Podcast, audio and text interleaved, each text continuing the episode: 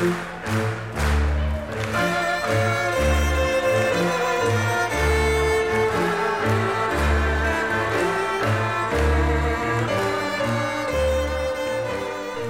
en eh, derbyhelg bakom oss Ja. Och eh, en person som har spelat ett Milano-derby Ett Derby enda. della Madonnina är eh, vår eh, käre vän Gabriel Batistuta Precis. Vi har ju pratat mycket om Batistutas tid eh, i Fiorentina, också hans tid i Roma. Men han gjorde faktiskt en, eh, en vår i Inter också. som, som man lätt glömmer bort faktiskt Den är ju, Han- ja alltså det var ju en, en vår där han inte gjorde någon succé direkt. Han var så på lån då från Roma Men det var ju till och med så att Sensi, presidenten i Roma, var, han skröt ju om den här dealen som han hade gjort med Inter, att han hade lyckats låna ut honom till Inter. För att folk ville ha bort honom då eller? Ja, jag antar att han satt väl på en lön som Mm. de inte var tvungna på att betala längre. Sommaren efter så lämnade han väl Roma Ja. för gott Ehm, Vad satte han för avtryck i Inter då? Under den där våren? Inte speciellt mycket kan man inte säga. Han bildade ett eh, halvfarligt anfallspar med eh, Cristiano Vieri. Eh, eller Cristiano Vieri var ju farlig på den tiden. Mm. Batistuta mm, gjorde ändå två mål i Serie A. Men eh, det kanske inte var mot det bästa motståndet. På 12 matcher, de, de två matcherna han gjorde mål var mot Piacenza hemma och Piacenza låg då på plats 16 av 18 i Serie A Mhm. Och den andra matchen han gjorde mål det var mot Como som också vid det tillfället låg på plats 16 och även den matchen på hemmaplan. Så det var ju, det var inga klassmotstånd som han sänkte Nej. sina två kassar Det kan man ju inte säga. Hur gick det i derbyt då? Vet du det? I derbyt som han spelade Ja, Mo- äh, Milan, Milan-derbyt. Ja, det var alltså den eh, 12 april 2003 Mm. som eh, Batistuta klev in i sitt allra första och sista Milano-derby Med åtta minuter kvar att spela, Och vad var det steg han gräsmattan ställning? Då låg eh, Inter under med eh, 0-1 Inzaghi hade Okej. satt ut Alltså en han, kasse. han byttes in för att försöka ändra på det här då, alltså? Ja, underläget. någon sorts offensivt byte med åtta minuter kvar. Ett, ett sista rop på kvittering från Inters sida. Man vet ju, hade, hade det varit Batistuta för två år tidigare Då hade han ju gått in och avgjort det derbyt. Då hade han stängt ut två. Exakt. Och sänkt det där jävla Milan Nu blev det ingenting Nej, Jag det, tror, jag, utan att ha sett matchen Så kan jag, jag förutspå att han gjorde en riktigt blek insats. Nudda kast bollen på de här åtta minuterna. Han, han var, stod där inne i straffområdet och väntade på att bollen skulle dyka upp. Alltså jag kollade ju lite snabbt på så här, highlights Batistuta i Inter. Och vi, här, han var där i en vår så man ska inte vara för hård mot honom. Plus att han var väl 33 år gammal ungefär då. Men man vet ju att det inte var en bra vår när highlightsen inkluderar sk- skott utanför som inte ens var så bra. Eller eh, stolpträffar som Vieri stöter in sen. Ja exakt. Med sin Eh, målform. Ja precis, Batistuta sköt ett skott eh, Jag såg ett där han gjorde ett fjösskott som målvakten räddade Fast han stötte ut den så gjorde Vieri mål efteråt typ. det var Symptomatiskt för den där våren tror jag. Ja det känns så. Men det, det partnerskapet med Vieri där, eh, det ska ju inte Det, bort? det hade någonting ändå. Det känns På ändå så, pappret hade det på någonting. pappret hade det det, sen i praktiken så gjorde ju Vieri 95% och Batistuta 5% Batistuta med tröja nummer 19 också. Han var det, så det är inget första jävla- val. Nej, nej fast man, nej det var det ju inte. Men han och hans eh, irrationella tröjnummerval hela tiden. Ja, det är många olika alltså. Ja, jag blir Men- galen på sånt. Men han och Vieri hade någonting gemensamt, hade de inte det? Jo, just det. Ingen av dem var ju egentligen jätte, ett jättefan av fotboll i stort liksom. Utöver att de spelade fotboll så tyckte de inte att det var så himla kul. Den eh, författaren till Batistutas självbiografi som han skrev Han sa det i efterhand. Har han sagt att ja, men Batistuta spenderade fem dagar med mig och pratade om sin familj. Men, eh, men fotbollen sa han i, i princip ingenting om. Men de tyckte väl inte om det så mycket. Och, och Vieri var ju egentligen, för Vieri är ju född, eller född vet jag inte, men Vieri är uppväxt i Australien. Så han, han var, ville egentligen bli cricketspelare sa han. Och han sa att han inte, att han inte själv var, var bra, speciellt bra på fotboll. Men Mhm. sen så dålig kan han ju inte ha varit uppenbarligen liksom. Men, eh, men cricket var hans grej egentligen. Man vet att den där författaren till Batis bok somnade många gånger på den soffan när Bati drog familjehistorier Om när de spelat golf och sånt. Mycket grillkvällar. Ja, författaren bara, det här är ett helt vanligt liv. Helt vanligt. Men jag ska i alla fall ge Batistuta någonting. Att han gjorde sin eh, självbiografi efter sin karriär, eller slutet på den Till skillnad från vissa andra Är det inte Wayne Rooney som har hunnit släppa två stycken? Han har fortfarande inte lagt ner Alltså vad är meningen? Ens med en självbiografi är ju just en självbiografi. Den, okej då, egentligen ska den komma i Jag tycker att den ska komma i slutet av livet. Men okej då, om du är fotbollsspelare så Alltså i slutet eller efter karriären, det är väl ändå okej. Men vad är meningen med att släppa i början? Jag fattar ingenting.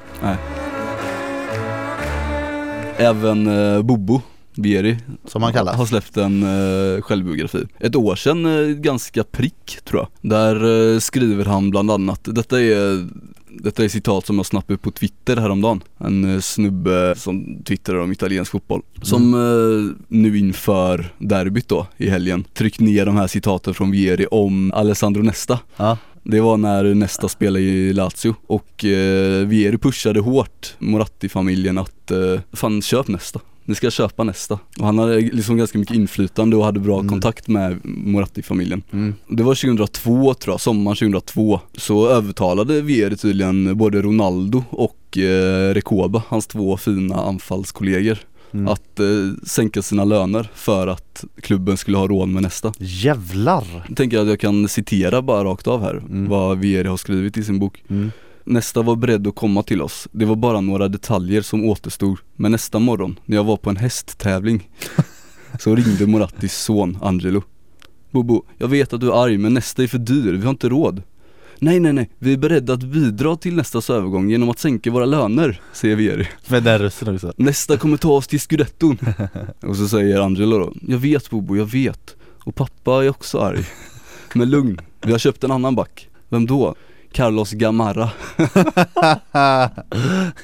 Jag sa ingenting. Utan att ens lägga på sträckte jag telefonen mot hästbanan. Så att Angelo bara fick lyssna på hästracet då antagligen. Vad var grejen med det? Oerhört märkligt Ja. Härskarteknik kanske Den här eh, Carlos Gamarra, det där är Paraguayanen. Just det, för det, det där är ett namn för mig, alltså jag känner igen namnet Mm. Men jag kan inte riktigt här, vi, säga vad jag vet om honom, eller om jag vet någonting om honom Paraguays mest eh, landslagsman. 110 Ah, landskamper på kontot har han. mm. Var med både VM 98 och 2002 när eh, Paraguay eh, tog sig till åttondel båda gångerna tror jag. Mm. Ena gången åkte de ut mot Frankrike och andra mot Tyskland. Men eh, ska vi sammanfatta Gamarras karriär i Inter, hur det gick egentligen? Han gjorde alltså tre säsonger i Inter, Mm. gjorde 27 matcher. Ingen ordinarie gubbe där alltså. Stackars Bobo fick ingen nästa, han fick eh, Men Gamarra istället. det, det som jag funderar på är, du sa att det var sommaren 2002 Mm, Det var ju även den sommaren som de köpte Cannavaro exakt. Han De landade en- Cannavaro sen senare under fönstret. Ja ah, okej Men Det ska också sägas att de hade Materazzi och Cordoba. Fast På- Materazzi var ju inte på samma nivå Han var ju en sån här late bloomer då Men jag menar jag tänker att Materazzi var ju Alltså han blev ju riktigt bra först när han blev lite äldre Mm. För sen, han var ju väl aldrig på Cannavaro nästa nivå i och för sig Var det lite Ranocchi över honom? Ja men det skulle det kunna vara Fast det Ändå. är fan hårdare än Ranocchi, Ranocchi är ju en jävla mes Ja han är en mes Men jag tänker lite samma Den här lite långa rangliga mm. Men eh, det var så, Gamarra hade gjort ett bra VM och de tyckte att de hade gjort ett jävla kap där från AIK Aten mm. Men eh, så blev det ju inte. Så skrev nästa på för Milan istället i slutet av samma fönster Ja, och, och visst var det så att eh, Cannavaro hade väl också lite problem med Inter? Eller alltså, Det problem blev inte helt klockrent där Nej men alltså inte så att han var petad eller så direkt men att det var väl främst när han gick till Juventus där nå, två år senare Som han verkligen blev, blev riktigt riktigt bra Han gjorde väl bara två säsonger i Inter va? Exakt, han gick 2004 till Juventus eh, Men eh, med Bobo Vere där eh, Vi snackar ju om att Dani Alves har en skön Instagram Christian, Christian Vieri är också en, lite av en Instagram-profil Mm. Det mycket märkliga grejer På Halloween var han utklädd till SWAT bland annat Mm, han. Sen har han lagt upp en bild här utan kommentarer också På en lejonfamilj i snön Helt okommenterat. Helt okommenterat Och sen eh, Rimligt ändå. la han ut en bild på, vet du, Bart Simpson och Lisa Simpson Där, där de kramar varandra och så 'Love you sis, love you bro' säger de till varandra Okommenterat Märkligt.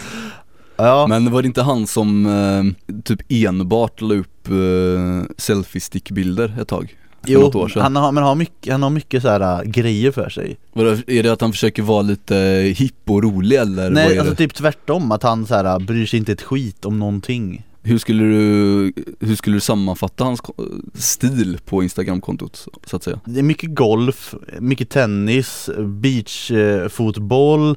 När han hänger med någon, vad jag antar är någon supermodell på stranden. Okej, okay, Okej, jag har hittat en bild som sammanfattar. Helt okommenterat också. Men på bilden liksom, i bilden står det Yes, I am crazy, punkt.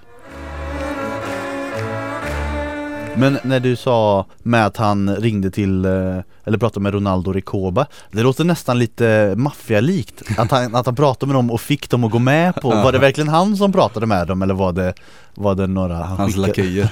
Som var livrädda för Det, honom det var va? ingen fråga utan det var sänk era löner, Ja. Han har ju lite den auran att, att folk är rädda för honom också Mm. Eller var det i alla fall, Mm. säkert nu med Li, litar man på Bobos minne?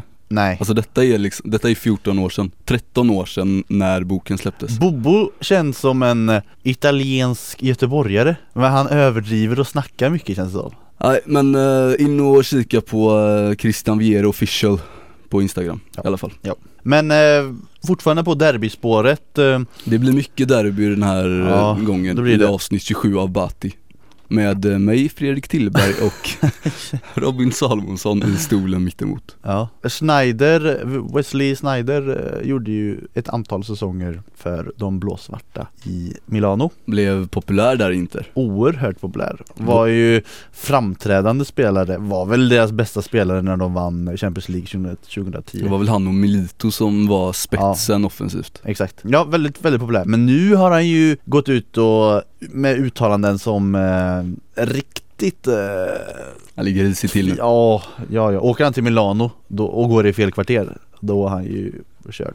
Fast jag tänker också att de flesta, i alla fall vettiga Interfans, och det verkar vara ganska många som är vettiga faktiskt Mhm. Minns att eh, Inters behandling av Sneijder när han tvingades lämna klubben inte var helt reko. Ja. Vilket gör att de kanske lastar klubben mer än Sneijder för hela den här grejen Mm. Att de kan förstå Sneijder för att han är lite putt gentemot Interledningen. Ja, han har ju sagt, han, han säger ju det här, han har ju blivit intervjuad av eh, Gazettan Och han är ju fortfarande lite bitter på Inter på hur det blev när de skickade iväg honom till eh, Turkiet. Därför så säger han, eller därför, men nu säger han i alla fall då att, eh, att det vore en dröm att spela för Milan. Milan var hans barndomslag, hans favoritlag när han var ung och att eh, han skulle även kunna tänka sig att spela i Milan eh, nu, idag Mm. Men eh, för övrigt en klockren nummer 10, Wesley Sneijder. Det finns få ryggtavlor där tian sitter så snyggt som på Wesleys Rikelme Totti. Rui Costa Ja, nej men eh, det är sant Men du, du Dennis Bergkamp måste jag balansera där också. Ja. Supertia. Bergkamp lirar i Inter Mhm. En säsong va? Eller? Bergkamp var ju en utav dem eh, Var, var det där. tre sammanlagt? Han var där i två år. Tre världsklasspelare som alla var i Serie A eh, och gjorde det dåligt eller blev miss, miss eh, behandlade eh, och eh, som sedermera blev plockade till Arsenal Där de gjorde av succé. Wenger Precis, det var Bergkamp, Henry, var det Vieira också? Han kom från Milan.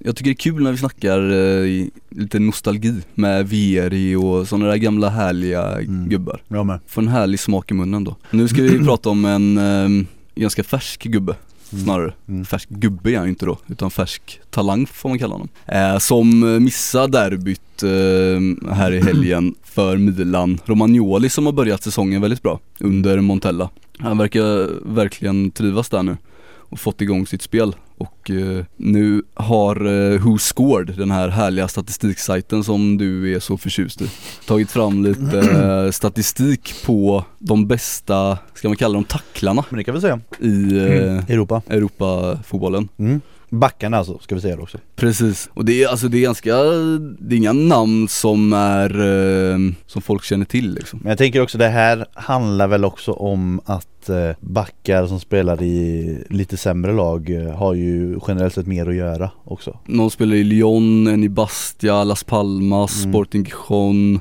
Sen har vi Jonathan Tah, Bayer Leverkusen som är en väldigt stor Mm. mittbackstalang där. Eh, sen har vi eh, Sassuolo, Sacerbi, Daley Blint i. United, Mm. Perin i Sankt Etienne, den här gamle härlige veteranen där. Mm. Sen har vi någon Damien da Silva i Cannes, Cannes uttalar man det ens? Eh, alltså Kan. du menar eh, Inte kan utan Kalle Svenssons eh, ga- Ja, gamla lag? jajamän.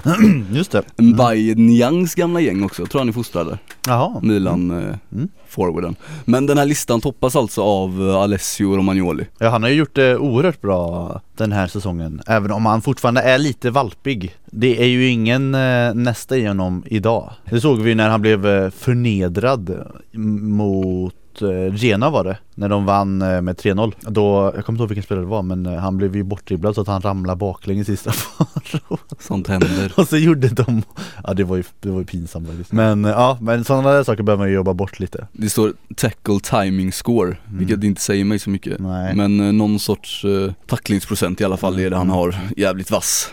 Eh, Bara litet kul statistiknedslag tycker jag. Mm. Som visar att Romagnoli är på rätt köl Ja men det är han ju, verkligen. En annan grej vad gäller Milans eh, talanger. Romagnoli är ju inte Milan-fostrad Han är men- Roma-fostrad. Mm. Jävla svikare. Han hade ju poserat med en Lazio-tröja till exempel. Alltså den, det är ju inte bra att göra om, om du är fostrad i Roma. Och sen var det ju också att eh, Det var väl någon, någon liten clash där med klubben. Han hade ju varit ett år i, i Sampdoria under Mihailovic. Och eh, fick väl spela ganska mycket där Och gjorde det bra. Så han såg väl att han var ordinarie Eller redo för att bli ordinarie Men Roma såg inte det. Han ville ha mer än vad Roma kunde ge honom tror jag. Och det var väl just Mihailovic som han kom till i Milan då också. Precis. Det är Mihailovic som jag tänkte komma in på här. En av Milans två supertalanger som de nu har i, i görningen mm. är eh, keepern där, eh, Donnarumma, för 99 Det var just Mihailovic som släppte fram honom när han eh, bänkade Diego Lopez. Mm. För ett år sedan ungefär, förra hösten var det. Då Donnarumma då fick kliva in eh, 16 år gammal. Ja. Vilket han fick en jävla massa skit för tydligen internt av eh, chefen själv, Berlusconi. Mm. Och eh, Mihailovic har nu sagt att eh, han nästan fick sparken för att han eh, bänkade Diego Lopez och satte in Don- Donnarumma där Ja. Vilket ju såklart är kul idag när Ja. man ser på vad som har hänt med Donnarumma det kanske är så att eh, många presidenter är jävligt fega i Italien. Eller generellt, jag vet inte för eh, jag läste om eh, Gasperini har ju sagt det. För det gick ju väldigt dåligt för honom och Atalanta i, i början av säsongen. Förlorade väl de första matcherna, eh, första fem eller någonting tror jag. Eller en oavgjord och fyra förluster. Hur som helst, då hade i alla fall Gasperini sagt till sin eh, president Percassi Heter han väl? Att ja men eh, Nästa match kommer jag börja med eh, ett antal unga talanger från klubben då och då hade ju den här presidenten varit jävligt Han sa att han var jättenervös och att han inte hade sovit någonting på hela natten. På grund av att Gasperini skulle spela med talangerna. Men eh, sen så vann de den matchen eh, med 1-0 och sen dess har de gått så fruktansvärt bra Tillsammans, eller med deras eh, talanger. Jag tror till och med att eh, Caldara som jag pratade lite om nu på slutet var en av dem som han valde att satsa på. Men eh, naturligtvis i det här Mihailovic-citatet så eh, det var i Corriere della, della Sera ska vi säga också. Så att vi källhänvisar någon jävla gång också. Mm. Så eh, är det ju själva fan att det ska vara någon macho-grej inblandad här. Tydligen då så ska han ha satt ner foten när Berlusconi kommit till Milanello och bett honom eh, sätta in Diego Lopez igen istället för Donnarumma. Jag sa åt honom att eh, han, nu, har, nu har du två alternativ Silvio det ena det är att du sparkar mig och eh, sätter Diego Lopez tillbaka i laget. Den andra är att du behåller mig och eh, så får du se Donnarumma spela. Simple as that alltså Kan du se Mihailovic sätta ner den foten Ja. i, rummet med Silvio? Det tror jag. Om det är någon som kan sätta ner den foten i rummet så är det ju Mihailovic. Han verkar snarare leva lite för det och sätta ner foten här och där. Kan tänka mig att han liksom lutar sig lite över Silvio också i, det, i den stunden. Liksom kom nära Silvios Mm. ansikte och nästan eh, tryckte honom mot väggen. Själva derbyt då? Ja, det var ju ganska väntat ändå, eller? Ja, du, du skrev till mig direkt efter slutsignalen att Mm. eh, du var väldigt väntat. Vad menar du med det? Nej men jag menar att, att ehm, men det, det stod eh, 2-1 till Milan i eh, minut eh, 65 eller vad, det nu var jag tänkte på det och så tänkte jag fan det här kommer bli 2-2 Det känns som att det alltid blir så i så här, toppmatcher typ, det är ingen som vinner Båda är nöjda med det. Fast inte var ju illa ute, var ju riktigt eh, dåliga faktiskt. De hade väl en chans, alltså vid slutminuterna och den gjorde de mål på. Men såg du Kandrevas skott? Ja, Vilket jävla mål han gjorde! fin bössa han har ibland ja, alltså. Ja, verkligen. Ja det var fint. Um, själva slutforceringen där som inte egentligen var någon Nej, slutforcering. alltså de hade ju ingenting inte. De bara rullade runt bollen mellan mittfältet och backlinjen i Ja. princip och kom ingen vart. Nej. Sen så fick de den där hörnan till slut Mm. och så small det. Jublar du då eller? Nej, det spelar egentligen ingen roll för mig vilka som vinner eller förlorar i det, den matchen Men jag, jag tyckte det var kul i och för sig om Milan med deras eh, alltså Jag tycker de har ju ett ganska roligt, roligt projekt på gång nu i år liksom Mm. Så jag hade kunnat unna dem den segern Eh, Men Montella var, han var lite missnöjd Ja han, Lite eh, bitter eller? han pikade inte lite i sina uttalanden efter matchen där och sa att eh, det är skönt att se en motståndare som firar när de har fått ett oavgjort resultat, att de firar som om de har vunnit eh, och, och så säger han också, trots att de dessutom har en trupp byggd för scudetton Han kunde inte hejda sig liksom, han var tvungen att ta den där extra piken också ja. Ja men det, jag gillar den, eh, den grejen ändå, att pika efteråt Den ska ju bara in där den här piken Faktiskt, men man vet ju att Montella hade firat lika mycket om det hade varit tvärtom om Milan hade gjort ett kvitteringsmål i Ja. slutet av matchen Då hade det varit helt andra tonlägen från honom känns det som Han har en liten, eh, ska man kalla det för, Mertens typ i Susu mm. Som är ganska ojämn men Mm. när han når den där toppnivån i matcher så når han verkligen en hög nivå också Men det var ju ett klassmål var det Bara Det första pang. tänker du på då eller? Ja, pang i bortre stolpen Det gick fort där med, från eh, första bolltouchen. Ja för man, han, han han sig fick själv. liksom bollen på utsidan av straffområdet, man tänker, eller det- straffområdet är ju på något sätt alltid farligt Men det såg inte ut att vara ett så farligt läge. Och sen bara smack. Den där maskan som Ja. han träffar är riktigt fin att träffa Ja, ja verkligen. Det blir härliga mål.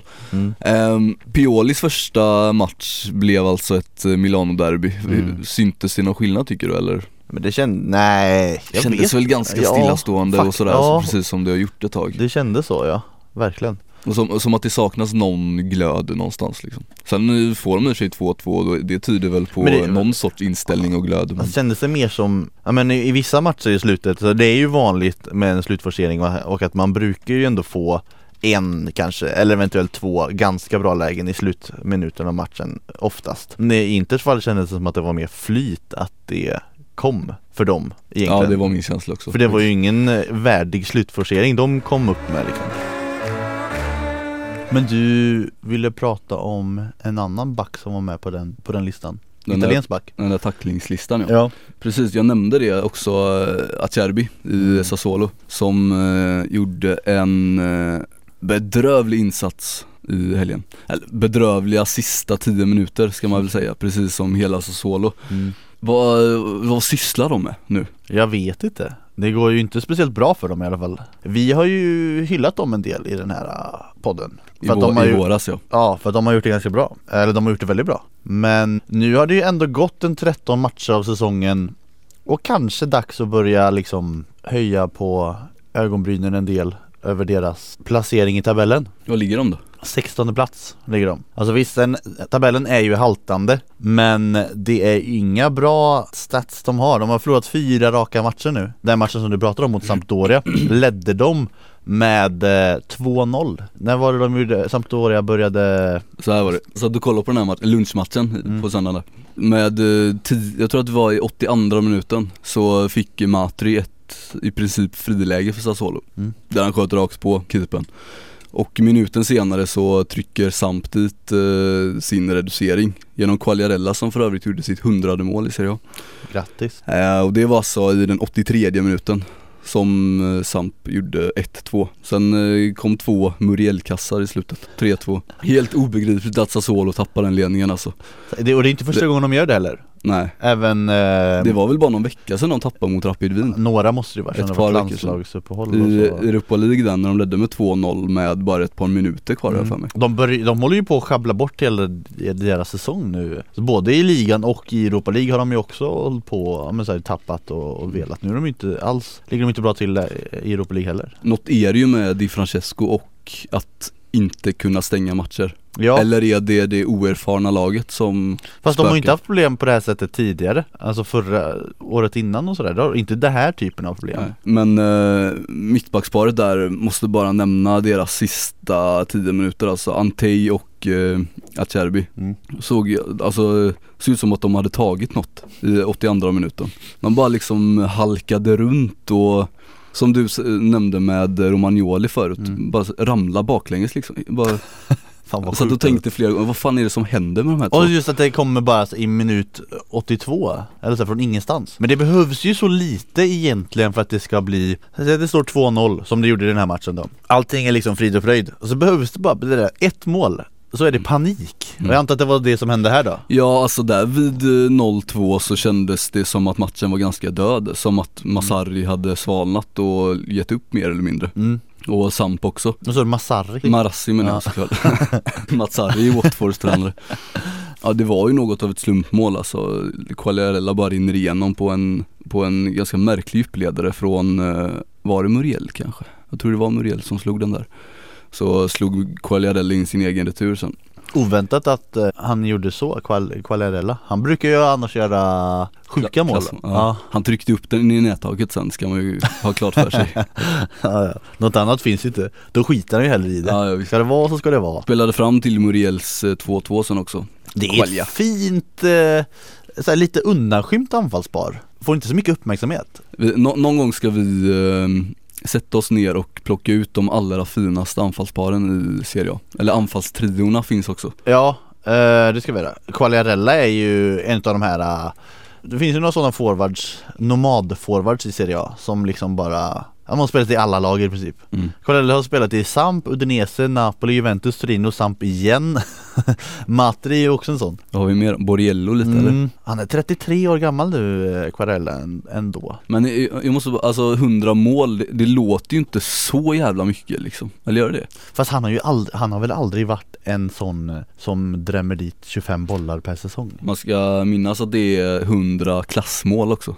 Som han har tryckt dit. Ja, exakt, exakt, 100, 100 skott i krysset har han gjort. En annan överraskning nu för tiden kan man säga är ju att Napoli vann. Till slut lyckades är, det, är de det en överraskning? Ja men nu för tiden är det ju det. De, eh, okej då, de hade ju spelat lika och sen förlorat innan det.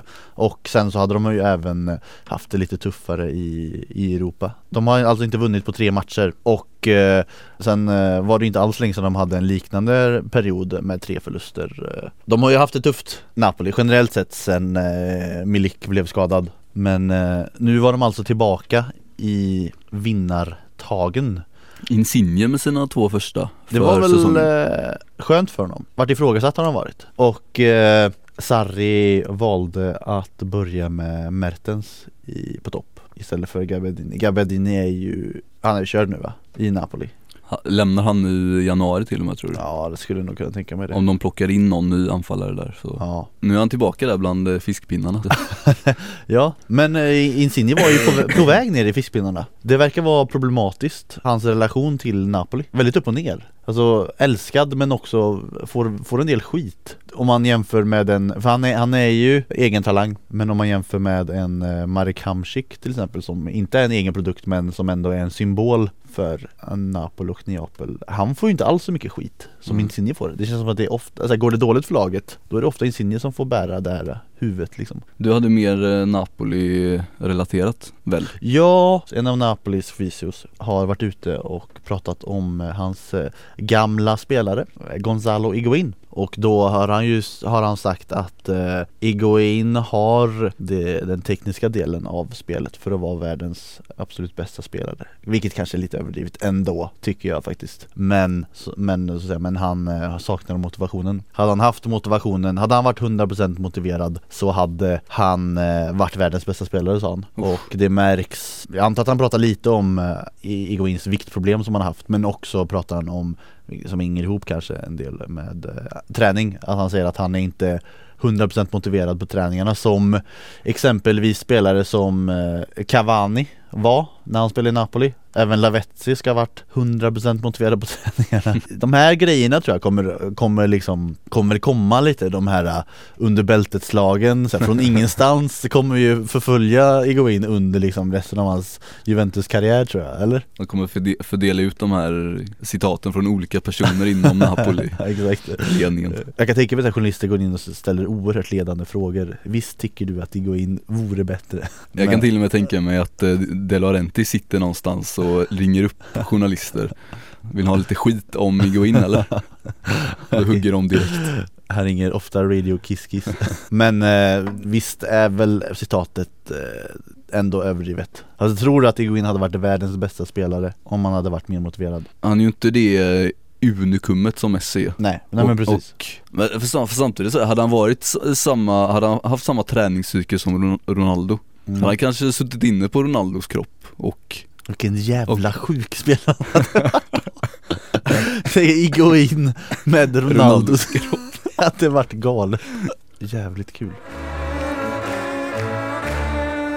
Ja, vi har fått vår uh, första spelare född på 2000-talet ja. i Serie A. Mois, hur uttalar man det här namnet? Moise Kian Oerhört oklart uttal 16 år gammal är killen alltså, född 2000 Lirar i Juventus Fick hoppa in här, eh, tror han fick 6 minuter mot Pescara Det har varit på gång här hela hösten nästan, han har suttit på bänken ofta och det har snackats mm. lite om honom att nu, nu får han chansen och eh, nu, nu kom debuten Det verkar vara en ganska teknisk, rörlig forward med eh, vassa avslut. Jag har inte sett någonting av honom Men av det som man läser så verkar han vara en eh, intressant anfallstyp alltså. Modern, en Agüero En Agüero? En, född i Vercelli. Vercelli. Det är väl i närheten av Turin tror jag, norr, nordvästra Italien. Av ivorianska föräldrar. Kul grej om eh, Vercelli.